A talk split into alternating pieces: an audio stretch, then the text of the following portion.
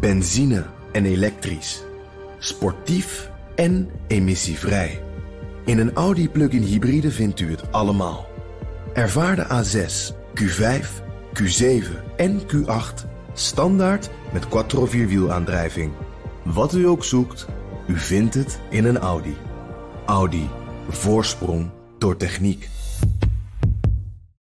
De column van Bernard Hammelburg. Tijdens de Tweede Wereldoorlog kwamen 9 miljoen Duitsers om het leven. Dat zijn er meer dan de 6 miljoen Joden die werden vermoord. Toch zal geen Duitser het in zijn hoofd halen om dat argument te hanteren, om de Holocaust te ontkennen. Turkije doet dat juist wel. Het land ontkent de Armeense genocide omdat er bij die slachtpartij ruim een eeuw geleden ook veel Turken zijn omgebracht.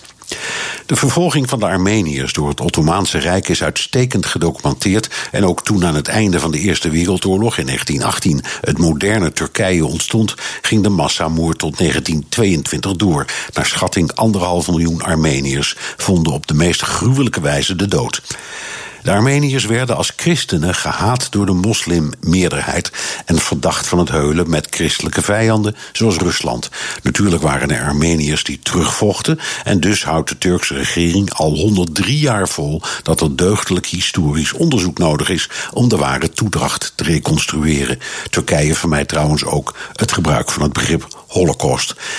Geen idee hoe je Amahula in het Turks zegt, maar omdat deze zwarte bladzij weer eens op onze eigen Nederlandse agenda staat, houd ik het lekker op Amahula. Heel goed dat de Tweede Kamer een motie heeft aangenomen om net als Frankrijk, Rusland en België en een hele hoop andere landen het beestje formeel en officieel bij de naam te noemen, de Armeense genocide. En heel goed dat de Kamer wil dat het kabinet op 24 april een minister naar de jaarlijkse herdenking stuurt en dan voortaan elke vijf jaar.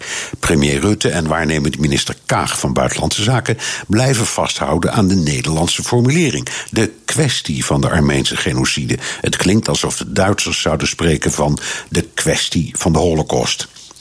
Die motie in de Kamer was al voldoende voor de Turkse regering om onmiddellijk de Nederlandse zaakgelastigde op het matje te roepen. Dat mag, en na 103 jaar ontkenning zal het niemand verbazen. Maar zou het kunnen dat de Nederlandse regering zich laat intimideren of bang is dat de gammele relatie met Turkije verder verslechtert of in haar broek doet voor de reactie van de Turks-Nederlandse gemeenschap? Nee, dat kan niet waar wezen. En als het wel waar is, kunnen we ons gelukkig prijzen dat we in een democratie leven waar de hoogste macht nog altijd het parlement is. En dat zegt. Bernard Hammelburg, onze uh, columnist op woensdag, buitenlandcommentator voor BNR. En u kunt zijn uh, column terugluisteren in uh, de website bnr.nl en in de BNR-app. Benzine en elektrisch. Sportief en emissievrij. In een Audi plug-in hybride vindt u het allemaal. Ervaar de A6, Q5, Q7 en Q8 standaard met quattro vierwielaandrijving.